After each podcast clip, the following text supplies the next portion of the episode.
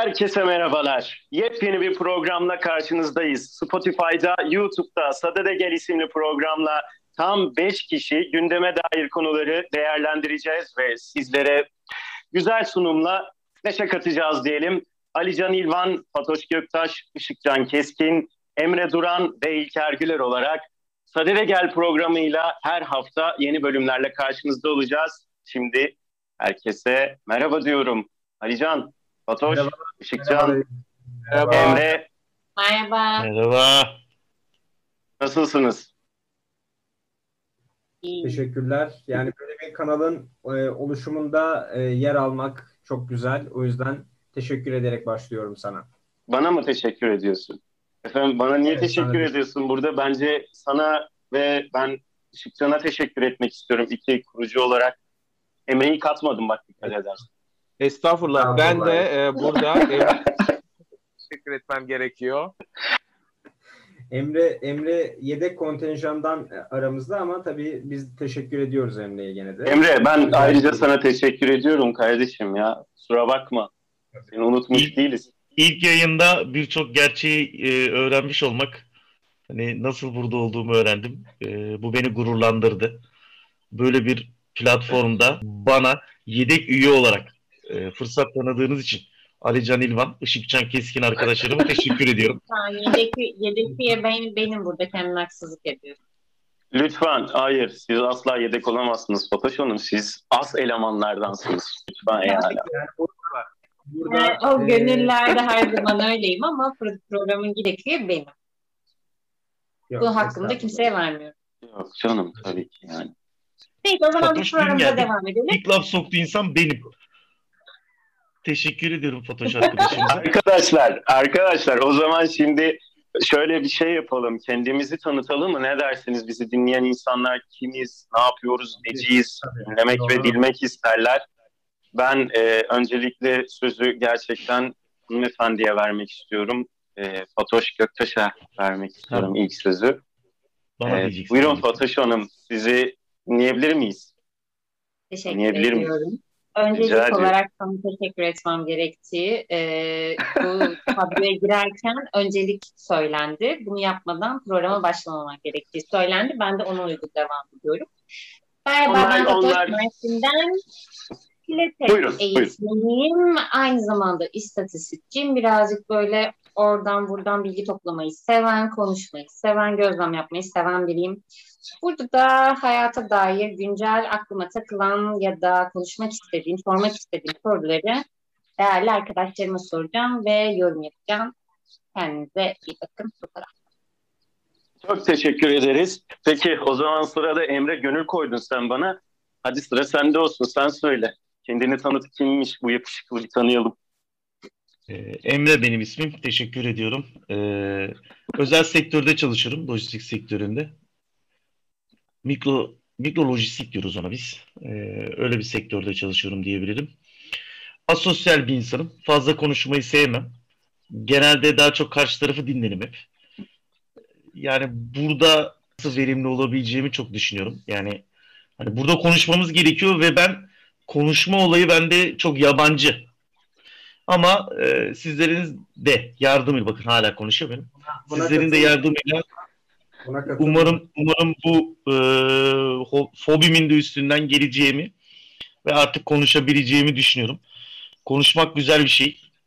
Umarım herkes konuşur. Teşekkürler İlker zaman konuşuyorum öyleyse varım mı diyesek ne desek yani, yani Descartes'in sözünü değiştirip konuş şey düşünüyorum öyleyse varımı konuşuyorum öyleyse varımı sana uyarlasak nasıl olur? Olur mu? Yok olmaz ha? olmaz olmaz İlker. Olmaz mı? Devam edelim. Ol- evet, devam edelim. Peki. Peki. Evet Ali Can Bey sizi dinleyelim. Buyurunuz. Söz sizde. Merhabalar. Ee, Ali Can İlvan ben. Ee, öncelikle bu böyle bir ekibin içinde olmak güzel bir start vermiş olmaktan dolayı çok mutluyum kendi adıma. Ben siyaset bilimciyim. Ya bu ülkede yapılması gereken en zor mesleklerden biri olduğunu düşünüyorum özellikle günümüz siyasetinde.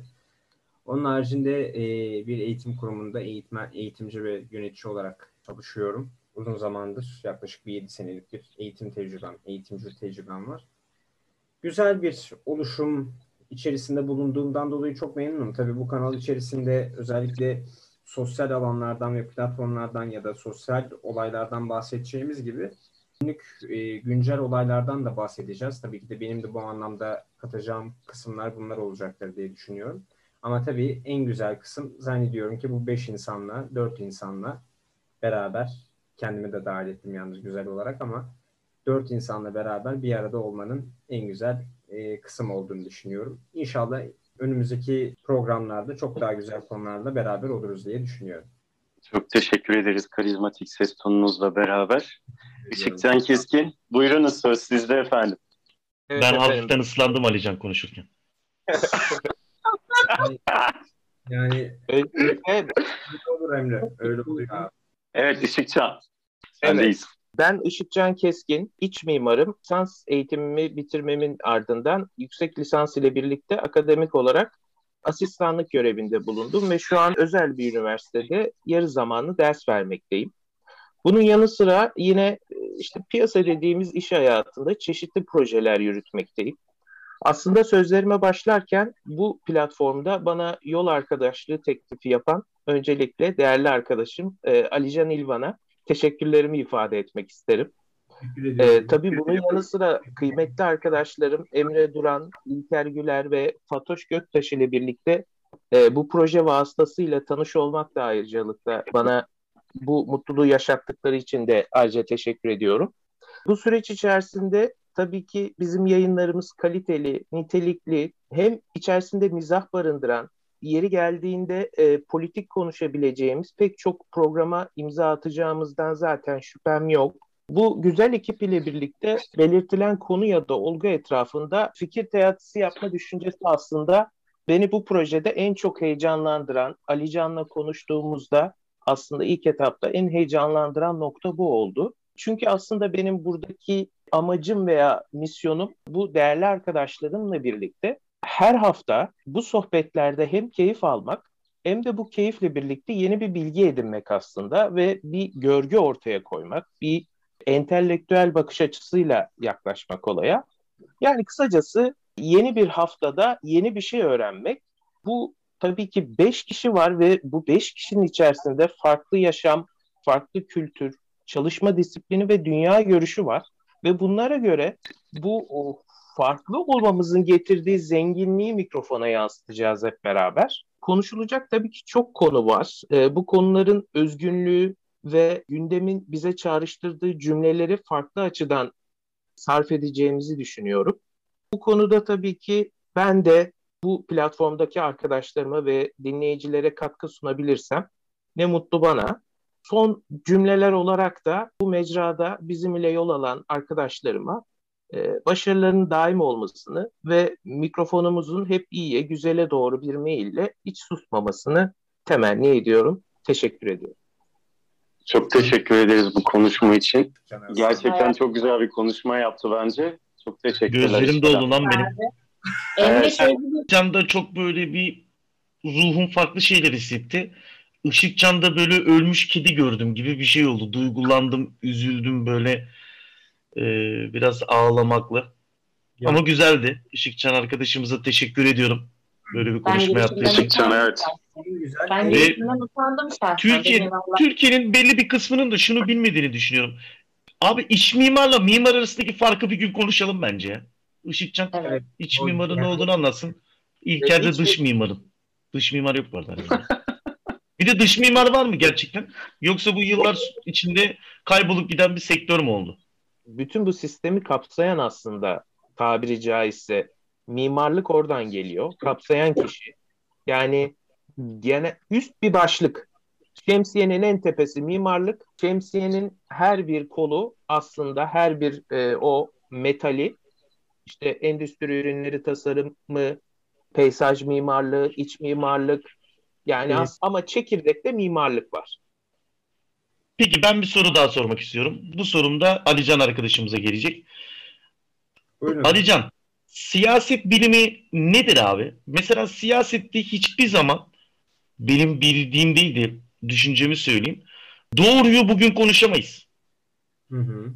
Yani nasıl bugün konuşamayız doğruyu? 2004 yılında ya da 2005 yılında e, AK Parti hükümetini çok destekleyen insanlar vardı. Yani en, buna en güzel örnek sana şöyle söyleyeyim. Hitler döneminde bütün Almanya Hitler'i destekliyordu.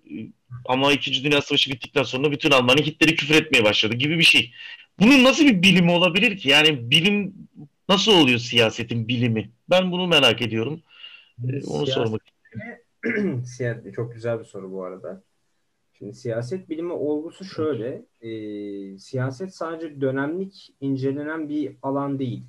Siyasetin ideolojik perspektifi var. Dünya tarihi, uluslararası ilişkiler tarihi, siyasi tarih, bölgesel tarih gibi birçok alanı söz konusu. Ben siyasi tarihçi olarak söyleyebilirim kendi alanım olduğundan dolayı. Şimdi dediğin olgu çok aslında bizim de yaşadığımız yani günlük siyasi siyasi yapıda yaşadığımız e, bir durum. Örnek veriyorum. 80 dönemini incelemek 80'i kendi içerisinde incelemekten biraz daha farklıdır bugüne göre incelemeye kıyasla. O yüzden her şeyi biz dönemine göre değerlendiririz deriz. Siyaset bilimi olgusu da öyledir. Siyaset bilimi tarihle çok aslında iç içe giden bir yapıya sahip. Ama günümüzde belli noktalarda siyaset sadece günlük yapılan ya da devletlerin karşılaştığı politikalardan ibaret kaldığı algısına sahip olduğu için aslında siyaseti biz bir bilim dışında değerlendiriyoruz. Ama siyasetin aslında kendi içerisinde birden çok alanı var. Özellikle en sevdiğim alanlarından bir tanesi de ideolojik alanı. Çünkü e, insanların fikirsel, düşünsel yapısının neler olduğunu incelemesi aslında siyaset biliminin bir görevi. Yani biz bugün insanların neden muhafazakar olduğunu ya da neden komünist ya da neden sosyalist olduğunu aslında bu alanları inceleyerek anlayabiliyoruz. Özellikle tarihsel perspektifteki örnekleri de bu anlamda bütünleştirerek yorumlayabiliyoruz. Siyaset biliminin böyle bir amacı olduğu için adı siyaset bilimi. Yoksa günlük siyasetle ya da siyaset bilimi yani arka planında inceleyen tarafında bulunmaktayız diyebilirim sana. Ama birazcık da hani sosyolojiye benziyor ya bu de söylediğin şeyler. Sosyolojiyle o zaman değerlendirdiğin zaman ikisi arasındaki fark ne olmuş oluyor? Ya hani sos- sonuçta dönemine göre il- ilerlemek ya da bir insanların ya da toplumun neden böyle düşündüğüne bakmak, yapılarını incelemek biraz sosyoloji, siyaset bilimi bunun arasında kalıyor. Siyaset bilimi bunun şurasında. Şimdi sosyolojinin bir toplum bilimi olduğunu düşünürsek toplumların yönlendirdiği ideolojik perspektifi de siyaset bilimi inceliyor diyebiliriz. Yani insanların yaşantısına, yaşam tarzına, düşünüş tarzına e, direkt olarak siyaset bilimi bakmaz. Ama bu olguların tamamen bütünü siyaset bilimini doğrudan ilgilendirir. Örnek veriyorum. İzmir'de yaşayan bir insanın ideolojik perspektifiyle Muğla'da yaşayan bir insanın ideolojik perspektifini aynı kefede değerlendirebiliyoruz. Ama Van'da ya da Hakkari'de yaşayan bir insanın ideolojik perspektifiyle İzmir'deki yaşayan insanın perspektifi belli bir yerde ayrım gösteriyor. Yani Söyle. şöyle diyebilir miyiz hani böyle kısaca özetlersek hani insanların yaşam şeklini ya da düşünce yapılarını sosyoloji incelerken seçimlerini siyaset bilimi inceliyor. E, tabii neden? E, çünkü bununla alakalı çok güzel bir örneğim var. Özellikle seçim zamanlarında gösterilen o seçim haritası vardır. E, partilerin e, renklerine göre Türkiye haritası boyanır. Aslında orada biz Türkiye'nin bölgesel olarak hangi ideolojik perspektiflere daha yakın olduğunu görüyoruz. Siyaset bilimi işin hem sosyolojik hem psikolojik hem de toplumsal yapısının bütünsel perspektifine bakan bir araç. Yani ben sadece sosyolojik alanına bakarsam siyasi olarak sağlam bir veri elde edemeyebilirim. Çünkü bunun aslında psikolojik, sosyoekonomik gibi birçok alana dair belli kolları mevcut. O yüzden biz bunların tamamının bütününün siyaset biliminde incelenmesini sağlıyoruz. Siyaset hmm. biliminin öyle amacı var yani aslına bakarsın. Ama tabii bu sadece belli bir kolu. Yani e, örnek veriyorum. Uluslararası ilişkiler tarihinde böyle bir şeye bakmazsın.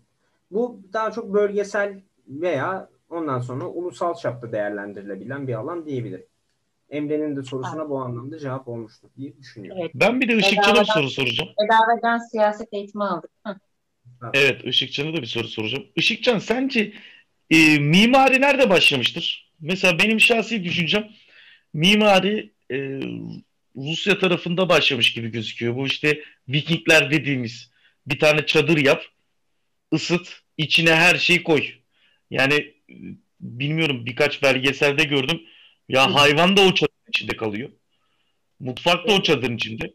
Yemekleri de o çadırın içinde stokluyorlar. Aynı şekilde o çadırın içinde uyuyorlar. Yani bu bence müthiş bir mimari ya. Bunu güzel bir şekilde organize etmek. Ee, şimdi tabii ki e, ilk etapta bence insan varoluşundan beri otomatikman mağarada yaşamaya başladığı andan itibaren mimari başlıyor. Neden?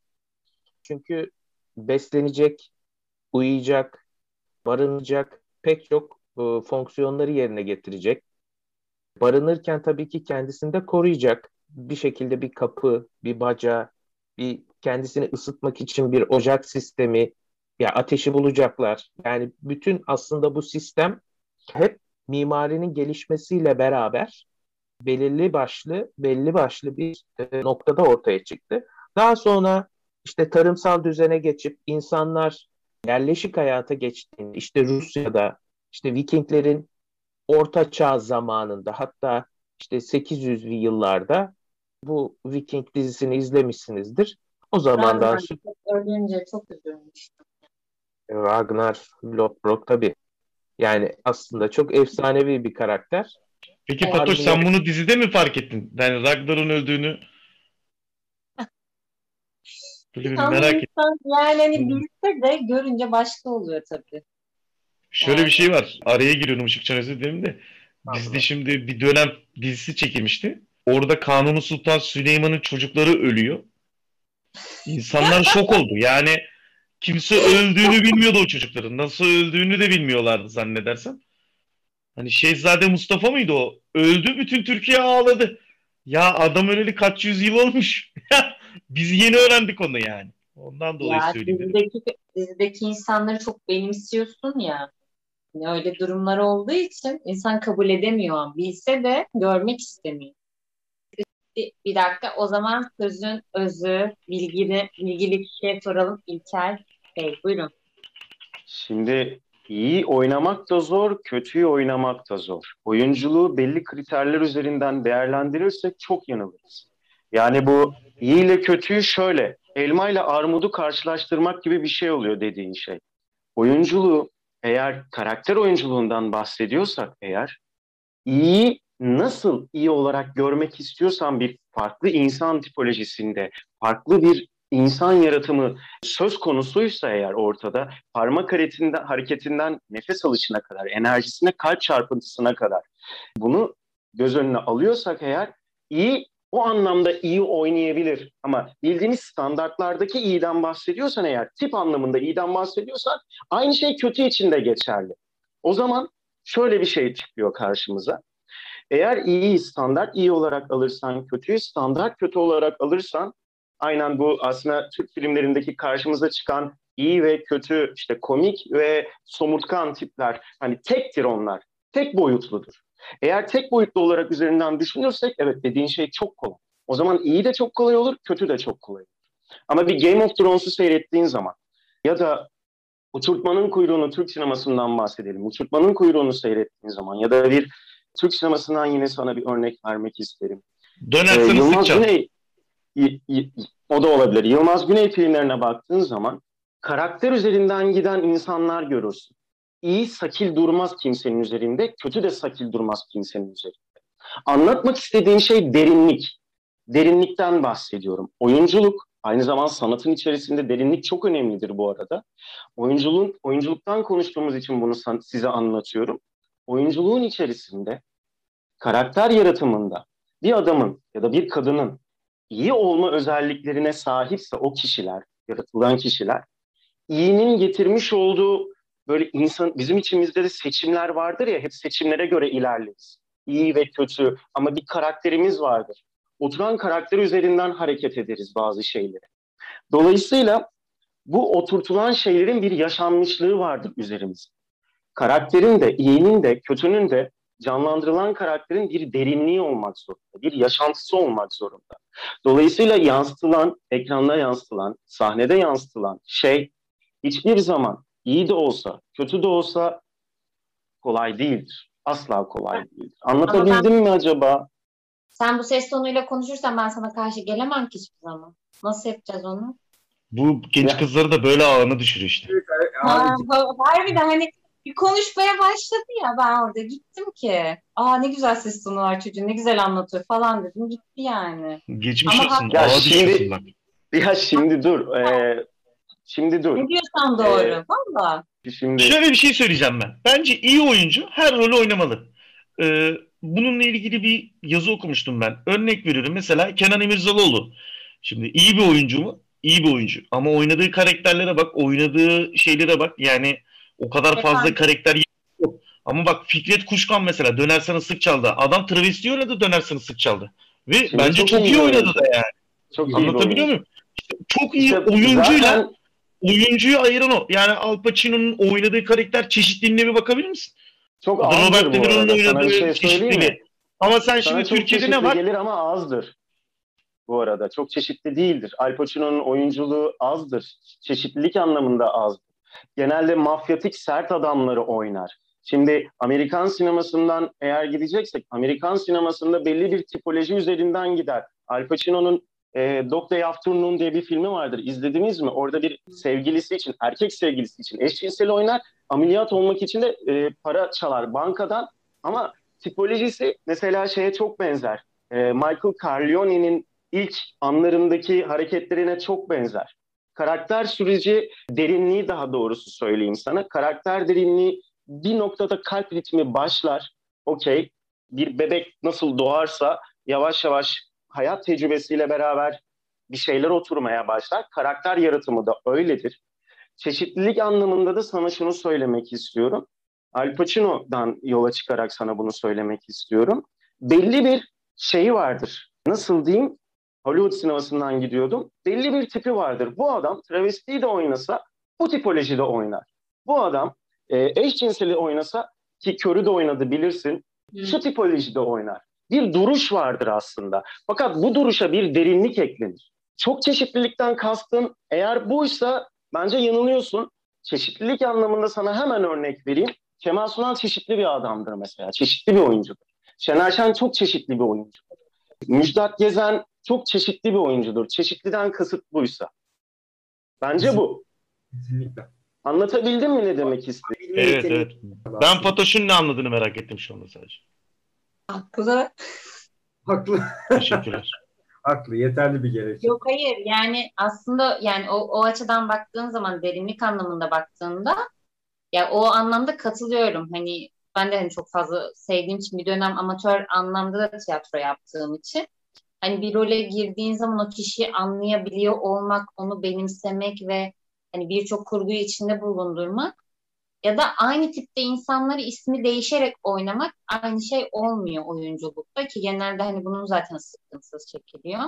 O oyuncu da ay- ayrılıyor ya.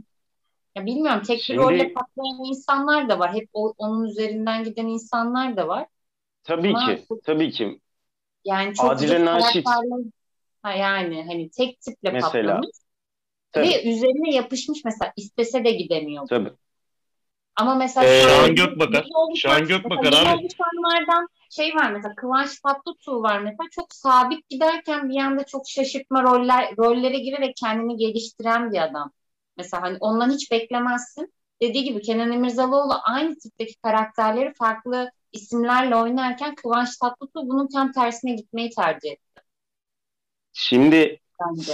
Picasso'nun Picasso'nun kübizmi bulmadan önce birçok ressamı örnek aldığını ve onu kopya ederek çizdiğini biliyor musunuz? Yani e, ki Salvador Dali'nin de öyle. Sürrealizme gelmeden önce adam e, Picasso- Picasso'ya söz hakkı doğdu. Bir dakika öyle şeyler. Ama bir şey diyeceğim. Picasso'yu- Yani Picasso'yu arıyorum ben şu anda. Yalnız bu bir, bu yalnız bu bir iddiadır arkadaşlar. Yani yalnız iddiadır değil mi İlker? Bu bir iddiadır Ne o? sadece. Picasso'ya Ne, ne? hiç magazin izlemiyorsunuz değil mi? Eğer biri hakkında bir şey söylüyorsan bu bir iddiadır diyeceksin ki kendi üstüne suç kalmasın. Tabii. Of çok öğreneceğiniz şey var. Okey? Fatoş bize çakallığı öğretecek ya. Allah evet harika. anladım. Okey. Peki Biri tamam. bir şey konuşuyorsan bu bir iddiadır diyeceksin. Üstüne bir şey kalmayacak. Suç kalmayacak. Tamam. E şimdi Picasso bizi mahkemeye verebilir. Doğru söylüyor Fatoş. Aynen öyle. E, Torunu Şimdi neyse bak Neyse. konuyu çok güzel ama bir dakika konu dağılmasın. Ama bak mesela sen şimdi buna Picasso'dan ya da oyunculuktan örnek verdin ama insanın öğrenme süreci de böyle bir şey. Hani ilk başta evet. taklit edersin. Olayları evet, ya da evet. durumları sanat yaparsın. da öyledir. Ha, İyi de zaten sanat bu değil mi arkadaşlar? Ha? Sanat zaten senden öncekini taklit ederek daha ileriye götüre hayır, götüre gelen bir şey abi sanat. Hayır, hayır, hayır, hayır. Sanat bir yaratım Abi şimdi sürecidir. sanat değil sanat yani bu dünyanın her yerinde var. Dünyanın her yerinde var abi. İlk insan ateşi yaktıktan sonra bir başlayan bir olay var böyle. Sen ondan gördüğünü bir gıdım ileriye götüreceksin. Sen ondan gördüğünü bir gıdım ileriye götüreceksin. Yani Picasso gitmiş ondan öncekilerden kopya çekmiş. Ben burada Picasso'ya laf söyletmem kardeşim. Anlatabiliyor muyum? Ben sana Hayır, burada Picasso'yu Picasso hep burada be. Picasso hep burada be. Emre'cim sinirlenme Picasso'ya saygımız büyük. Arkadaşa bir kahve falan verirse. Birazcık. Yaşantı Picasso tamam saygı duyuyoruz. Ama insanın öğrenme yapısı da bu değil mi zaten diyor. Tabii Ama Picasso'ya evet. bir saygımız var. Tabii. Kesinlikle Picasso'ya bir saygımız var. Picasso'ya her zaman saygımız var. O zaman yani, ben şimdi şurada eyvallah, şey söyleyeceğim felsefi.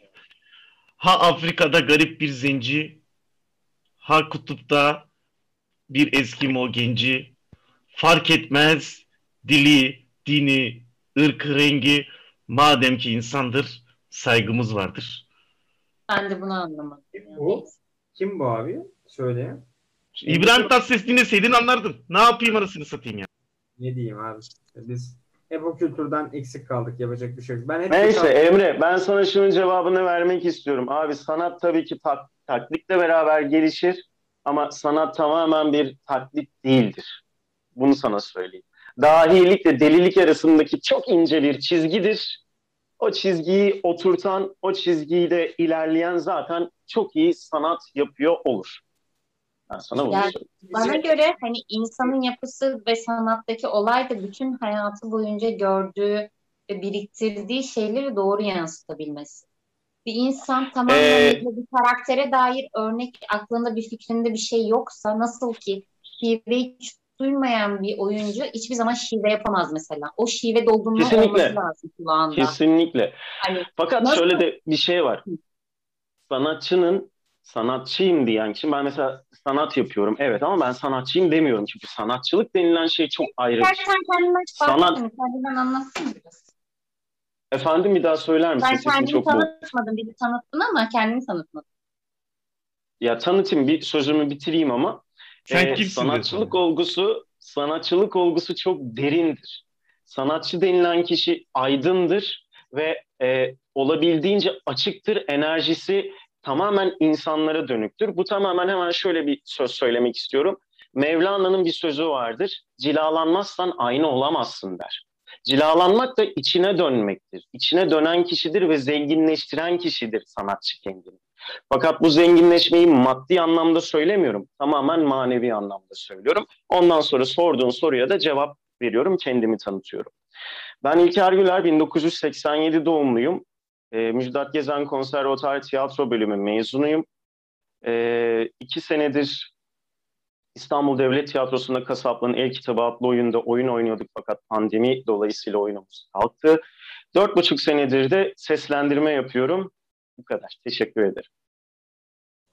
Zaten dinleyenler de sesten anlayacaktır seslendirme sanatçısı olduğunu da bir yandan.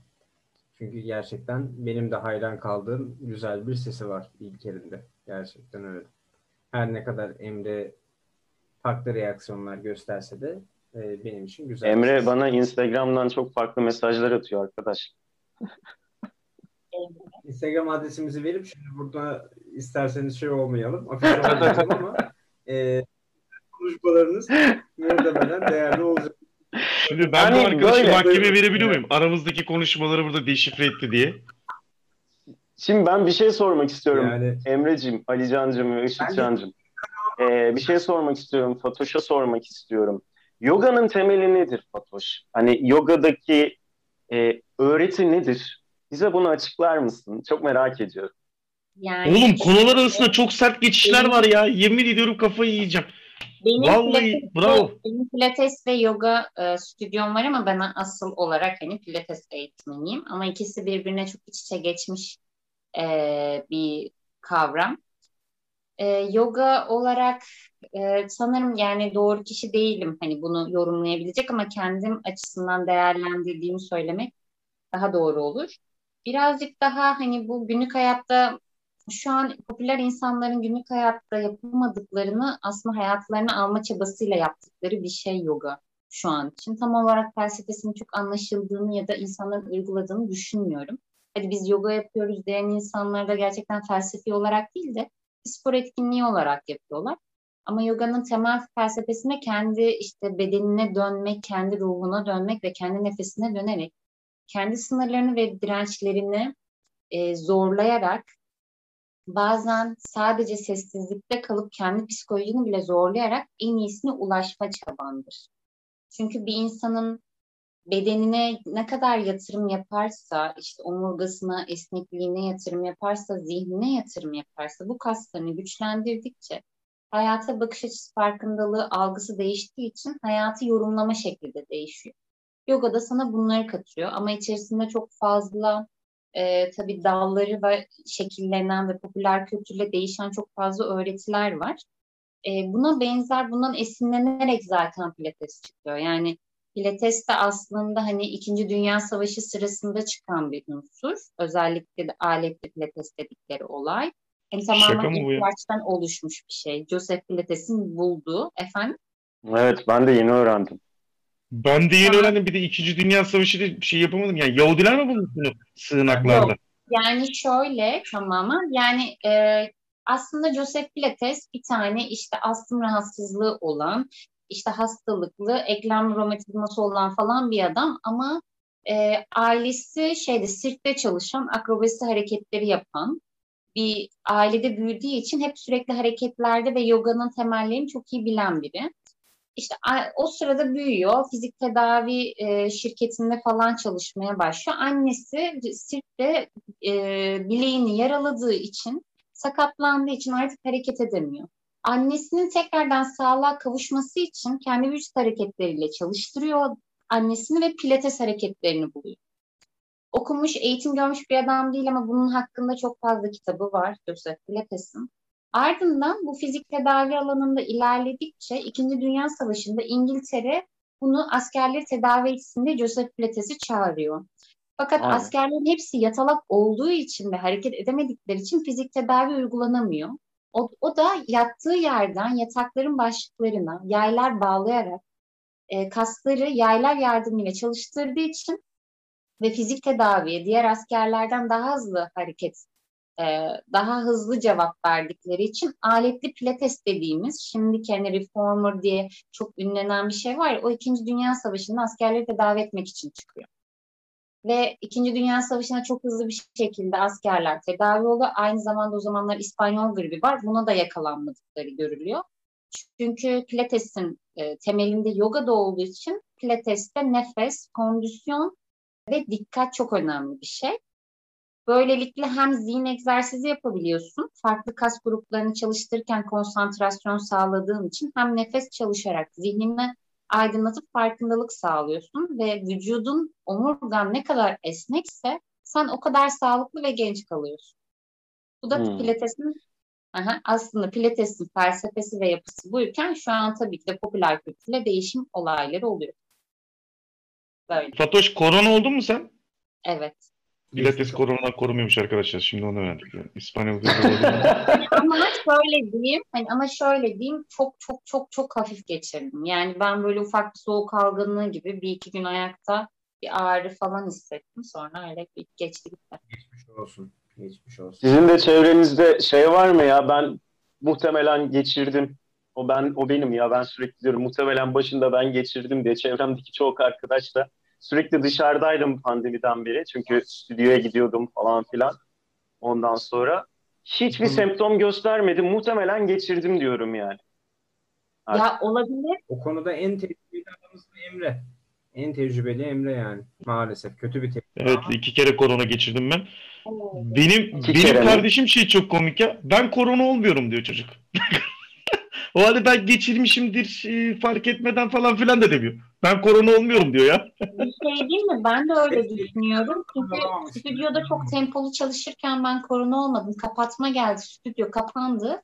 Ben birazcık böyle boşluğa düştüm. Birazcık sporu bıraktım ve direkt şey oldu. Bağışıklığın düştü tabii. Normal. Yani o yüzden çok e, o sporun ve aktif yaşamanın, içsel motivasyonun bağışıklığı çok arttırdığını düşünüyorum. Kesinlikle. O zaman aşı ile birlikte koronaya da e, cephe almak için pilates mi? Kesinlikle. Yani ya hani pilates ya egzersiz mutlaka bir insanın hayatında olmalı ama pilatesin şöyle bir avantajı var. Yani hani boynun, vücut duruşun, yapın, e, postürün düzeliyor. E, yani şöyle düşün. Bir binanın kolonu ne kadar sağlamsa, ne kadar doğru bir şekilde kurulduysa onun etrafındaki şeyler de daha güzelleşiyor. Hani buradan ışık, şey, ışıkcan sen daha iyi söylersin. Aynı şekilde insanın da omurgası onun kolonudur. Eğer kolon düzgün değilse sen ne kadar spor yaparsan yap kas doğru durmadığı için vücut şekil bozukluğuna sebep oluyor. Hmm. Güzel bir örnek evet. O zaman bir hmm. Hmm. Hmm. Hmm. Hiç pilatese bu Işıkcan bir şey soracağım sana. Işıkcan sana bir şey sormak istiyorum. Ben Işıkcan'ı pilates topuğunda düşünemiyorum ya. Işıkcan yok yok. Topu ben bende de... birleşmedi yani. Ya. Bu mimarlık hakkında aklıma evet, bir şey geldi. Ee, bu eski yapıların Mimar Sinan'ın yaptığı camilerin falan bu kadar sağlam olmasının sebebi nedir? Ramazan'dan dolayı bu yüzyıllardır, yüzyıllardır yıkılmamasının sebebi, bir hasar almamasının sebebi nedir abi? Yumurta Oğlum Allah koruyor işte. Cami Allah koruyor. De, son bir şey daha. Bu bu Mimar Sinan'ın e, işte e, bu Sultanahmet Camii'ydi galiba. Yapmadan önce gidip avlusunu oluşturacağı yerde oturup nargile içip duması, dumanın üflediği yerden işte kubbeyi buraya yapacağız dediği doğru mu? Akustiğini kontrol yani öyle bir e, şey var. Durum söz konusu. Hatta birkaç tane camisinde e, depremde zarar gördü mü görmedi, di, görmedi mi diye e, bazı kolonların içerisine dönen bir silindiri yerleştirdiği ve o silindir dönmediği takdirde e, kolonların e, o kolon kiriş sisteminin sıkıştığı ve sistemin çalışmadığını gösteriyor. Yani bu yapı hasarlı olduğunu e, kendi kendisine böyle bir sistem aslında keşfetmiş. Bence o zamanın teknolojisine göre müthiş bir mimarlık. Kesinlikle. Yani, Kesinlikle bir mimarlık. Yani tamam e, o devire baktığımızda, ondan öncesine baktığımızda hani bu işin genellikle ağırlıklı olarak yürütüldüğü nokta İtalya. Yani Floransa ve Venedik bölgesi özellikle. Ama e, Türkiye'ye geldiğimizde de e, Mimar Sinan zaten e, sistem bakımından, e, malzemeyi kullanması bakımından çağın çok ötesinde. Mesela genelde e, pek çok camisinde farklı bir taş kullanır. Küfeki taşı denilen bir taş kullanılır. Bu taş çok güçlü bir taş. Ee, dış ortama tabii ki çok dayanıklı. Her taşın olduğu gibi ısı izolasyonunu çok iyi sağlayan, geç soğuyup geç ısınmasıyla zaten özellikle doğal taşların öyle bir ünü var. Yani hı hı. hava sıcakken içerisi serindir genel anlamda. Özellikle o yapılardan bahsediyorum.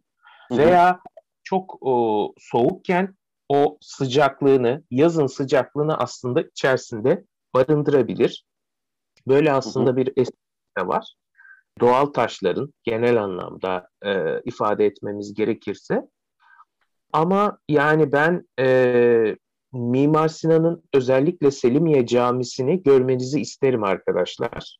Yani evet Süleymaniye Camisi vardır e, çok önemli bir yapıdır ama Selimiye Camisi gerçekten onun e, kendisinin de bahsettiği gibi ustalık eseridir. Yani mimari hayattır, sanat hayattır. Bahsettiğiniz şeyler aslında politika, sanat bence hayattır. Yani bir şekilde burada bulunmamızın sebebi de kendi mesleklerimizin, mesela pilates ve spor da bence sporsuz bir hayatı düşünemiyorum ben de. Hani her ne kadar çok yapamasam da hele bu ortamda çok yapamasak bile yani bence çok güzel bir ekip olduk. Yani hepimizin aslında farklı alanlarda farklı yorumlayacağı e, çok farklı görüşler var. Onun için hani böyle soru cevap şeklinde de gittik. Çok da iyi oldu. Bu arada hani senin affına sığınarak da herkes bir isim ortaya attı sanatla alakalı. Hani çeşitli oyunculukla alakalı ben de şahsi görüşümü söyleyeyim. Yani benim için de e, tabiri caizse number one Haluk Bilginer'dir o anlamda. Yani her e, role girebilen, her şeyi yapabilen naçizane ben de bunları söylemek istedim. Hani ben de son sözlerimi söyleyeyim e, bu program için. Çok keyifli ve güzel konuşmaların, programların geçeceğine eminim. Teşekkür ederek iyi akşamlar veya iyi günler dileyim. Çok Teşekkür ederim Işıkcan. Çok güzel özetledi. Çok güzel toparladı. Ama sana hani konuşmanın içerisinde bir şey sormak istedim.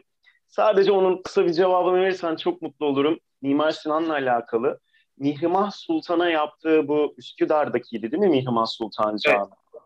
Ee, abi orada inanılmaz bir matematik dehası yok mu? Güneşin doğuşuyla batışı e, Eyüp Sultan'la Mihrimah Sultan arasında gidip geliyormuş diye okumuştum evet. zamanında. Mükemmel evet. bir şey ya bu yani mükemmel bir ağaç. Nazım'ın ceviz ağacını yazdığı gibi bir şey yani.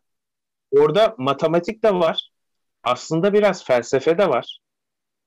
Biraz tabii ki dinsel duygular ön planda ama yani orada nasıl diyeyim tabiri caizse biraz romantizm de var. Hani e, orada camiden doğup öteki tarafta batması, düşüncesi, fikri bile bence çok kreatif bir fikir. Yani bence e, halen daha, bence bu çağımızın da ötesinde. Onu da Kesinlikle çağımızın ötesinde. Katılıyorum. Yani sadece Teşekkür ederim. madde, rica ederim. Maddesel olarak değil, manen de inanılmaz bir ruh katıyor mekanlara veya yapılara. Onu da analım buradan tabii ki Mimar Sinan'ı anmış olalım. Teşekkür ederim sana sağ ol bu ilgi için. Evet Alican var mı söyleyeceğim bir şey? Sadede mi geliyoruz? Sadede geliyoruz artık. yavaş yavaş sadede geliyoruz. Yavaş yavaş gözler kaymaya başladı çünkü. yani şöyle söyleyeyim. E, ben de başta da söylediğim gibi gayet güzel.